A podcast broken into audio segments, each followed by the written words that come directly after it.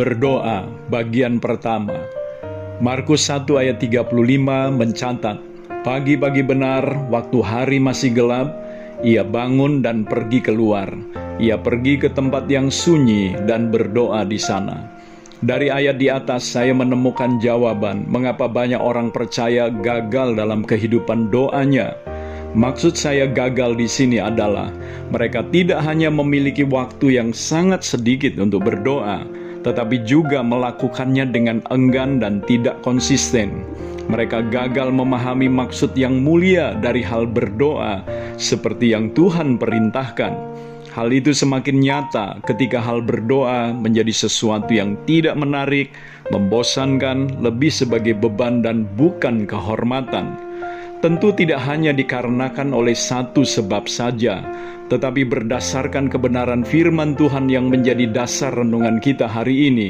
Salah satu penyebabnya adalah karena banyak di antara kita orang percaya tidak sungguh-sungguh menyediakan waktu khusus untuk berdoa. Waktu di mana kita bisa menghabiskannya hanya untuk berdoa dan tidak memikirkan hal lain selain berdoa kita bisa menyediakan waktu untuk hal-hal yang lain, untuk sekolah, kuliah, kita menyediakan waktu, untuk bekerja, kita menyediakan waktu, dan untuk hal-hal ini kita benar-benar mencurahkan segala sesuatunya agar hal-hal itu bisa terlaksana dengan baik. Kita juga menyediakan waktu untuk berkumpul dengan keluarga, menyediakan waktu untuk makan atau rekreasi bersama, bahkan untuk istirahat dan tidur. Kita menyediakan waktu, dan untuk hal-hal ini kita sangat tidak ingin diganggu. Tetapi untuk berdoa, berapa banyak di antara kita dengan niat hati yang sungguh menyediakan waktu, waktu di mana kita juga tidak mau diganggu. Belajar dari Tuhan Yesus, untuk berdoa, kita perlu dengan sadar menyediakan waktu yang khusus, waktu yang hanya kita pakai untuk berdoa. Seperti Yesus menyediakan waktunya pagi-pagi benar ketika hari masih gelap. Dia menyediakan waktu yang sangat khusus untuk berdoa.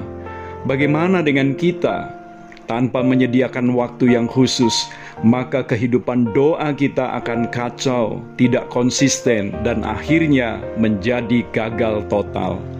Saya mau menyampaikan kepada kita semua, kalau kita tidak menyediakan waktu sungguh-sungguh untuk berdoa dan berkomunikasi dengan Tuhan, sesungguhnya kita tidak sungguh-sungguh ingin berdoa.